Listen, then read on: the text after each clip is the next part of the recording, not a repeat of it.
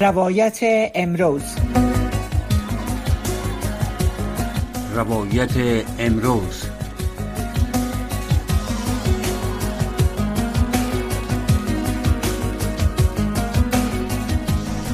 سلام شنوندگان عزیز.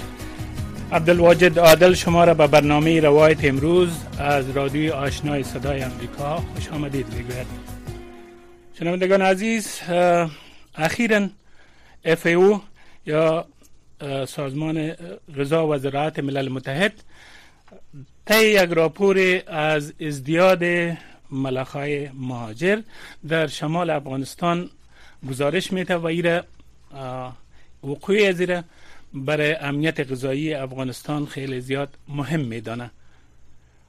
ما در برنامه امشب خود البته با وجودی که روایت امروز میگیم اما در شب نشر میشه. ما روی این معزله در شمال افغانستان با یک مهمان گرامی خود جناب ذکرالله صافی استاد زراعت پانتون کابل. صحبت های داریم و این موضوع را رویش بحث می‌کنیم که چگونه میشه که با این مسئله در شمال افغانستان مجادله صورت بگیره. ببینیم که جناب استاد در خط هستند. استاد صافی به برنامه خوش آمدید. بسم الله الرحمن الرحیم. سلام به شما و به شنوندگان نهایت عزیز شما. تشکر با موضوع بسیار جالب و خوب تماس گرفتین.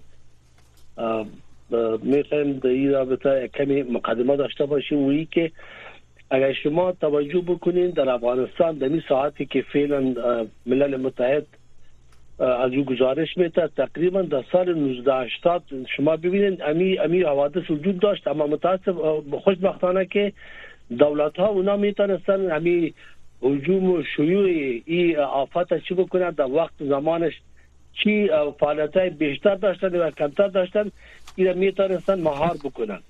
بله. اما بعد از او یا ایسا قسمی که شما مناطق اگرو اکولوژی این مناطق شما ببینید این مناطق دشت ها و دامنه های بسیار زیاد داره که در اینجا یعنی زمینه برای تخمگذاری و رشد جمعیت این ملک فوق العاده مساعد و بیشتر است بله. اما بعض اوقات میگم ما شما دو چیز داریم که یکی environmental یکی biotic pressure و دیگه environmental potential است. بله. که این biotic pressure و environmental potential همیشه یعنی این نظام طوری چی شده عیان شده که هیچ موجود نمیمانه که با به حد اعظمی خود برسه که تا چی شوه سبب بروز خطر برای جمعیت یک نوع توازن بمیان بله. این شرایطی که در این چند ولایتی که در شمال افغانستان مثلا دشتای بسیار وافر علفچرهای بسیار خوب دارن.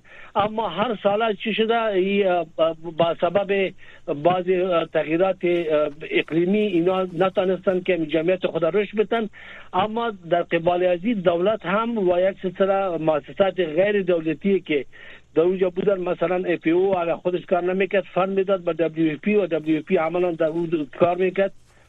خب بالاخره نمیگذاشت که جمعیت رشد بکنه و به حدی برسه که سر مزارع مردم چی بکنه عمله بکنه. این موقعیت موقعیت مساعد برای امین و ملخ است که بدبختانه شما در کشورهای هم جوار ما ببینید اونا همشان دمی پژوهش می‌کنن تحقیق می‌کنن از ادویه کار می‌گیرن.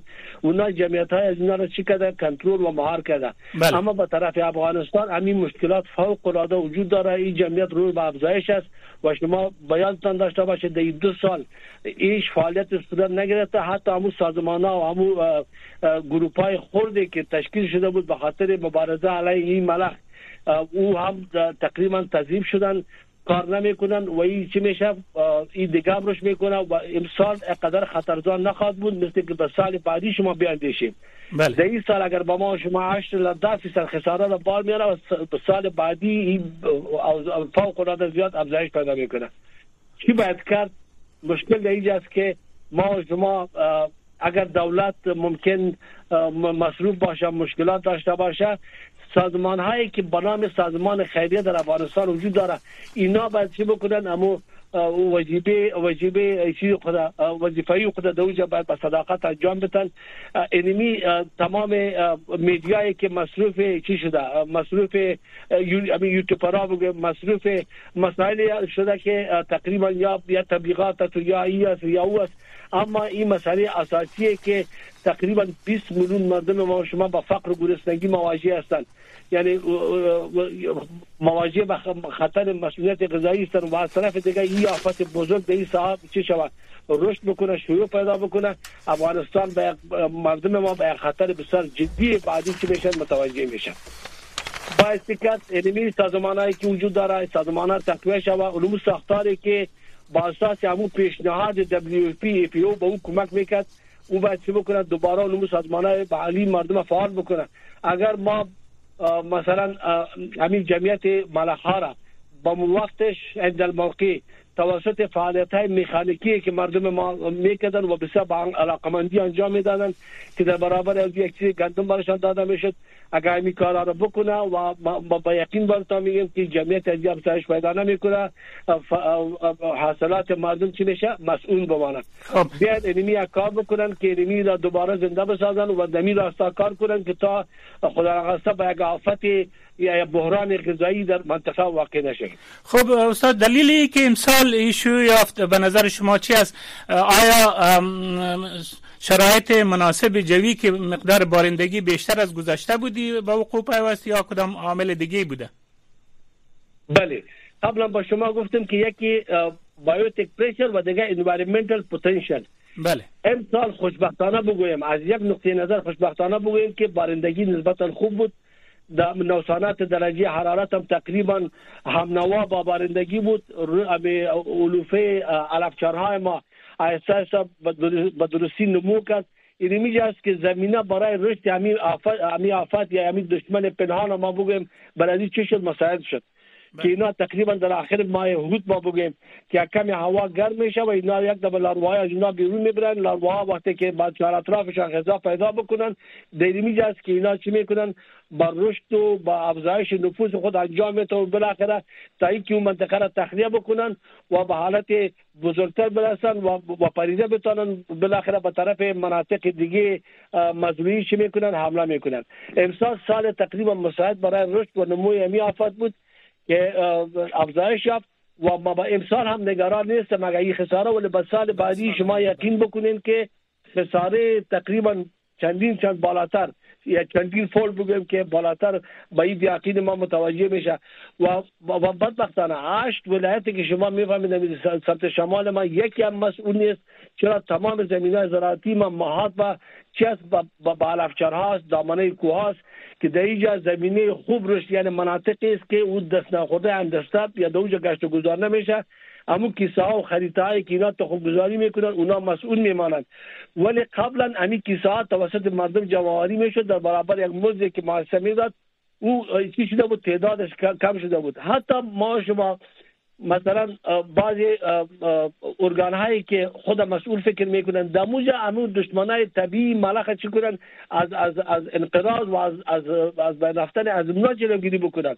ما ببینید ما همین یک دوا گنجش ما داریم ساچ میگیم که یک بزرگترین یک موجود یک, موجود خوب برای کنترل همین ملخ اگر شما اینو ببینید و با روز به هزارها تا اگر با مسئله غذایی خودش باشه خودم گل صبح سیر میشه اما این به خاطر اینی که جمعیت یعنی را کنترل بکنه اینا حرکت میکنه تمام روز در فعالیت میباشه ملخار از بین میبره متاسفانه ما جمعیت امور هم نگاه کردن نتونستیم بیان امیان امی امی افزایش امی دشمنان طبیعی ملخه با مرور زمان چه بکنن در پلان خود بگیرن و فعلا چون حد افزایش بسیار بالاست ما ما پیشنهاد میکنم که از بعد دواهای مثلا از گروپ پایریترایتس و دیگه نیو نیکوتینایت ها از این دو گروه استفاده بکنن چرا در کشور همسایه ما ازبکستان و تاجیکستان از اینا استفاده کردن و نتیجه خوب داده امیر امیر استعمال بکنن چون یعنی وقت جمعواری حاصل ما شماست و گندم بالستگی که چی شوه محصولات دیاقین ما از این آفت چی کنه نجات پیدا بکنه خب استاد وضعیت حاصلات زراعتی در شمال افغانستان خصوصا در ساحاتی که این آفات ملخ وجود داره. وضعیت زراعتی امسال در حالتی که وضع جوی بهتر بود چگونه می باشه؟ آیا انتظار برده میشه که حاصلات گندم و سایر محصولات زراعتی بیشترتر از سال گذشته باشه؟ متاسفانه که امسال خودم هم ندیدیم. ولیکن همه روزه با, با دوستای خود استادایی که در تماس هستم در مناطق سرپل یک کمی باران بارش یک کمی نرسیدگی کرد. اما در ولایت بغلان و قندوز و تقار در اینجا لله الحمد تقریبا گزارش بسیار خوبی دارم و و حاصلات بسیار خوبتر رویده و و توقع محصول خوبتر هم با یقین ما می‌باشه خب در مناطق للمی چطور؟ امید میره که محصولات زراعتی بلندتر از گذشته باشه؟ بله. بله زمانی که زمانی که بارش های کافی داشته باشه شما فکر کنید که 55 درصد زمینه ما کلش للمی است.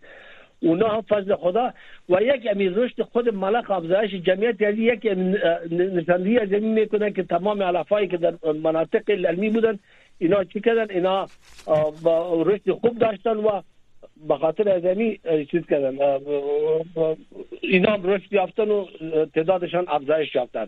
انشالله للمی هم امسال نتیجه خوب میته حاصلات خوب و آبی خوبتر خوبتر. خب نقش حکومت در حال حاضر چون با مشکلات مختلف دوچار از آیا حکومت طالبا در این باره کدام نقش خاصی می‌تونه داشته باشه تا با وجودی که مشکلات هست آیا اقدامات را می‌تونه انجام بده تا از گسترش بیشتر ملخ جلوگیری کنه؟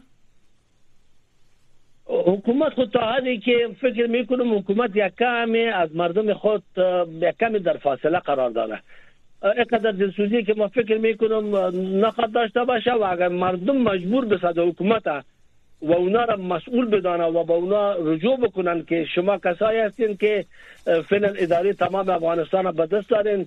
مؤسسات به زیر دست شما کار میکنن زیر نظارت شما کار میکنن. ما به یافت دچار هستیم. ولی حکومت در یک رول خوب ادا کرده به خاطر میتونه که حکومت تقریبا حکومتی است که چی بگویم مردم ممکن گپی از اون زود بپذیره و زود قبول بکنه و حتی مؤسسات به این مسئله توجه بکنن. از این نقطه نظر اینا میتونن موثر باشن. و در غیر از ما فکر میکنم یک کمی یک کمی اینا دلسوزی در برابر مردم خود و مسئولیت پذیری در برابر مردم خود قدم ندارن درست. خب استاد چون کشورهایی که در جوار افغانستان است اونا هم اگر این مسئله در افغانستان کنترل نشه امکان داره که به کشورهای هم جوار هم سرایت کنه. نقش این کشورهای همجوار چی بوده؟ می‌تونه برای که در این صورت هماهنگ شود و این مسئله را به شکل منطقوی حل کنن. سوال بسیار خوبش. ما ما از کشورهای همسایه خود که در سمت شمال هستن واقعا تشکر می‌کنم.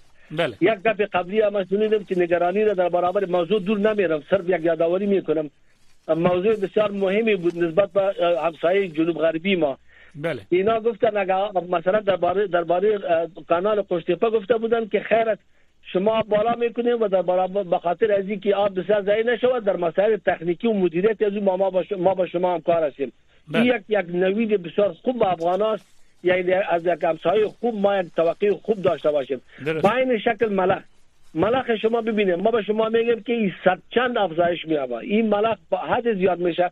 میشه روزی که های قندوس و های بلخ و های ولا فاریاب و از این ولایت ها به طرف ازبکستان تاجیکستان چی بکنن مهاجرت بکنن اینا اول پاسرا اول علفچرا را زیر حمله قرار میتن زمانی که خلاص شد با, با, با, با کشزارا میان و کشزارا که خلاص شد اینا به شکل مهاجرت به اون میرن که اون یک دردسر بسیار بزرگ با همسایه ما ایجاد میکنه همسایه خود چون شرایط افغانستان اینا درک کردن مشکلات وجود داره سراسیمگی وجود داره اینا اگر کمی همکاری بکنن با محققین ما با استادای ما با کارمندای وزارت محترم زراعت ما اینا افراد تکنیکی رو میگم اگر اینا تماش شون اینا امو چی بگه جنگ کشور خود در برابر ملک مثل که دیگه جنگا می‌کنن امیرم در میجا کنن که میشه که در افغانستانی در بلشه از چی شوه خونسا شوه و اینا مسئول بمانن و کم خیر و نفش به یقین ما هم برسن خب استاد شما از می خب بد که ما از می قسمت کانال خوشتیپا هم صحبت کنیم که گفته میشه که قراره که بعضی گزارش ها از طرف حکومت طالبان نشر میشه. میگه که در خودکفایی افغانستان بسیار زیاد نقش کافی خواد داشت. به نظر شما این از لحاظ خاک آیا برای کشت کدام نبات به نظر شما بیشتر مساعد خواهد بود و آیا می‌تونه که یک نوع انقلاب زراعتی را در شمال به وجود بیاره برای که ساحه بسیار وسیع را تحت پوشش قرار میده؟ بله شما فکر کنین هر قدر خاکا یعنی به اصطلاح عام ما میگیم که دمه می‌گیرن آرام میشینن تولید نمی‌کنن با مو اندازه دوجا چی میشه؟ سبب تجمع نیتروژن و عناصر ضروری نباتات میشه. بله. یعنی خاکا خوب دم راست می‌باشد. اگر این خاکا را ما به شکل تکنیکی به شکل تکنیکی تکنیکی چی بکنیم؟ کدبندی بکنیم زمین بسازیم و به شکل درستی از او چی بکنیم؟ با اوج آب راهنمایی شود و مثلا به تولیدات شروع بکنیم. در قدم اول شما ببینید نبات استراتژیکی ما گندم است. بله. و متبقی دو سه و چهار.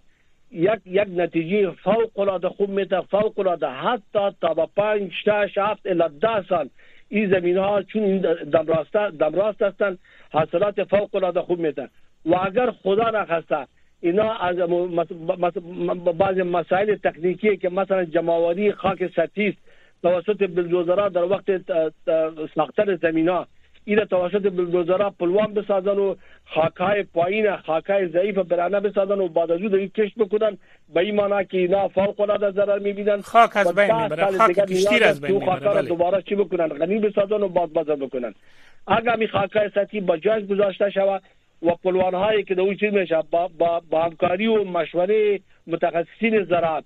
اینا پلوان ها به شکل ساخته شد که خاکای سطحی را صدمه نزنن و بالاخره صرف شروع به بذر بکنن ما به شما اطمینان میتیم که تمام غلاجات فوق العاده اصل خوب میته و حتی زمین ساز برای نباتات بذر نباتات بعدی که ما مثلا شالی داریم مثلا ما پنبه داریم به اونام چی میشه؟ میشه خب استاد یک چیز یک یک مسئله را که چند روز پیشتر بر من یکی از استادای دیگه گفت که اگر به درستی خاک ها تنز...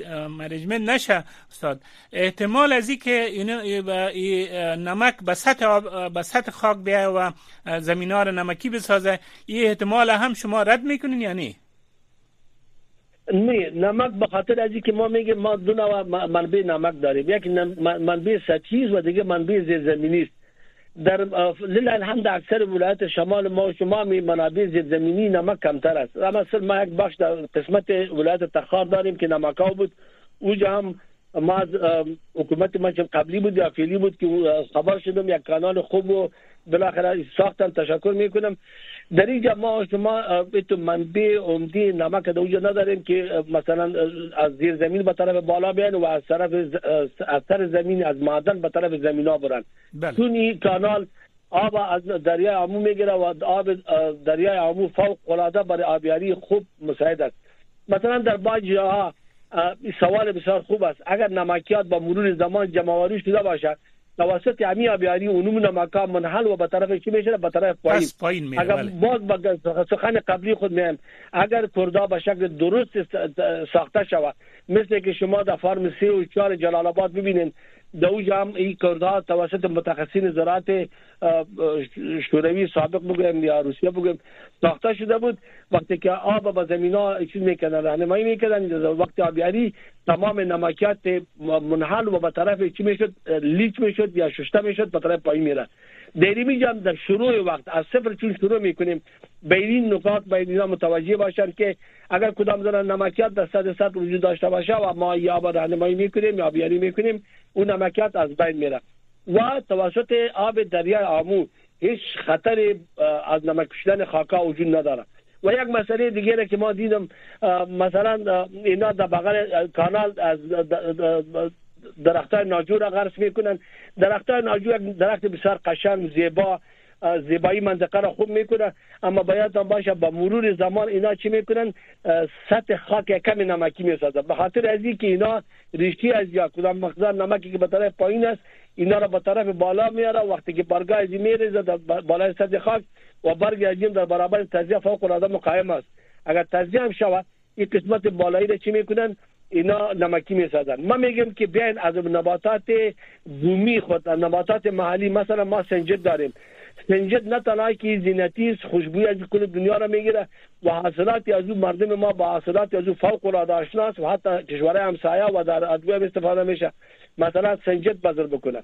یا نباتات دیگه که سبب تولید مواد غذایی برای حیوانات وحش ما میشن از اون استفاده بکنن. با بله. یقین که با میگیم رشد خوب میکنه و و, و منطقه تقریبا نقطه نظر مواد غذایی برای حیوانات وحش و با انسان چی میشه؟ غنی غنی تر میشه. این اگر بازر بکنن خوبتر است. خب من استاد میگم که تشویش است که در موجودیت البته مهاجرت بیش از حد متخصصین زراعت و سایر متخصصین. ما تشویش از این موجود است که در اینطور پروژه های بسیار بزرگ و حیاتی که در افغانستان است کمبود متخصص و پرسنل ورزیده به وجود خواهد آمد. و فکر شما اگر در این قسمت حکومت طالبان طوری برخورد کنه که علمای زراعتی را و خصوصا متخصصین زراعتی را در هر قدم با مشوره کنن و پیش از که دیر شود و پیش از که صدمه به ثروت عظیم افغانستان برسه باید اونا مشوره کافی کنن با با دانشمندا و با متخصصین زراعت.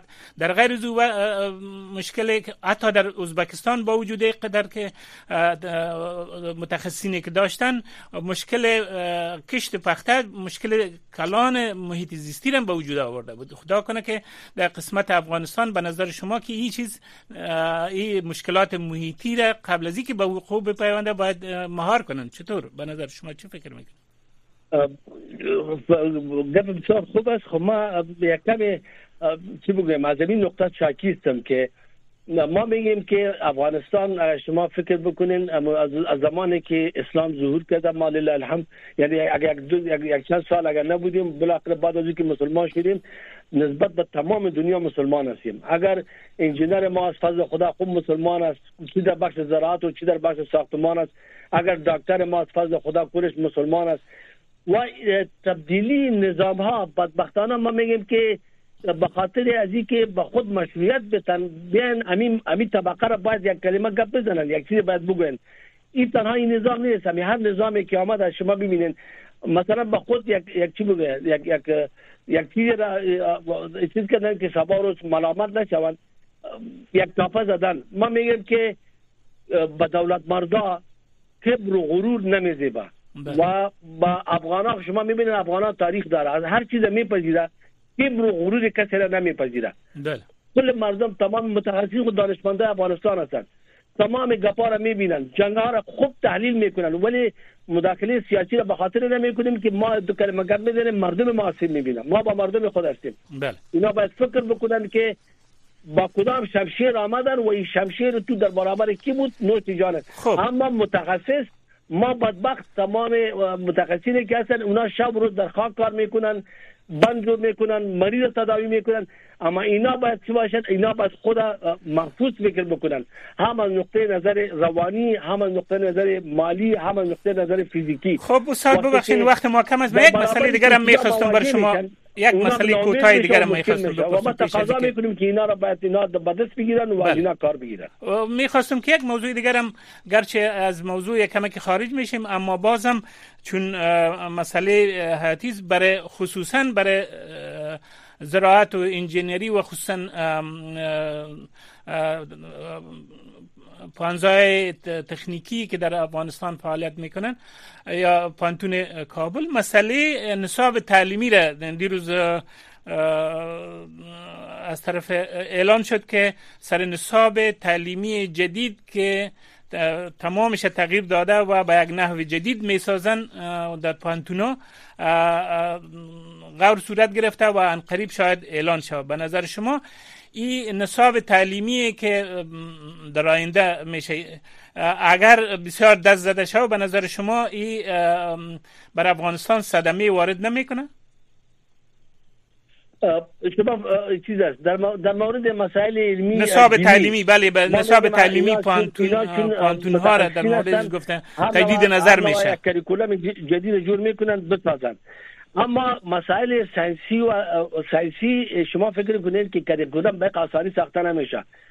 سالها سالها پژوهش تحقیقات صورت می‌گیره تا اینکه این راه را به خود پیدا بکنن که ما کدام مفردات بگنجانیم و کدام مفردات برای ما اولویت داره از اون کار بگیریم. اگر این مداخله صورت بگیره این فکر بکنید که مداخله مداخله بیرونی است و یک, یک نتیجه منفی داره در مسائل دینی واقعا حکومت ما در این خوب دست بالا داره. هر قدر تغییرات میارن بیارن. اما در مسائل ساینسی باید به خاطر برای ایجاد هر کلیکورم اینا باید به صدها تحقیق و پژوهش های رجوع بکنن از نتایج از استفاده بکنن و بعد از اون مفردات بگنجانن تا اینکه به نسل جوان خود با آینده افغانستان یک تدریس خوب یا مفردات خوب درسی باید آماده شود. درست. خب پس میگردیم به مسئله ما فقط دو, دو تا سه دقیقه وقت داریم استاد.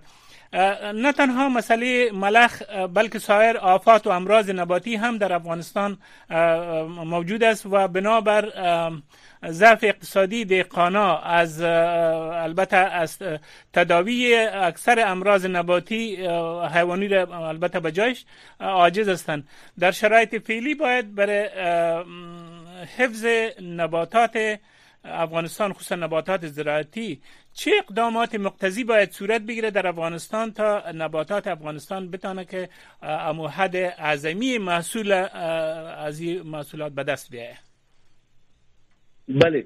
ما شما ببینید چیز داریم؟ ریاست های زراعت در هر ولایت داریم ترویج داریم. هر ترویج هر مامور مجبور و مکلف است. اونا مدیریت های قرانتین دارن مدیریت های حفاظی نباتات دارن مدیریت های ترویج دارن. اینا سال به سال تمام حشرات و آفات اینا زیر نظارت می‌گیرن. بله. اگر یک سال اگر یک سال اینا از نظارت از اینا بفته و بالاخره موضوع علمی ملک فعلی چی میشه؟ پیدا میشه. بنان ما دو سال وقفه داشتیم. در این دو سال ما فکر می‌کنیم مشکلات زیادتر میشه و سال بعدی شما بیشتر می‌بینید. در بله. هر در هر راستا. اینا باید چی بکنن؟ هر ساله هر ریاست زراعت در هر ولایت مجبور و مکلف است. که از دیاقین خود چی بکنه؟ وارسی بکنه؟ از محیط مثلا بذر نباتات و از زندگی مردم اینا چی بکنن؟ بعد وقت با خبر داشته باشن و راهنمایی به یقین بکنن. شیوع و افزایش جمعیت موجود حشرات و غیره و غیره زیر نظر داشته باشن. که هر هر سال با اندازه و توان خودش رو کنترل بکنه تا به سال بعدی چیز نشه شیوع و افزایش پیدا نکنه.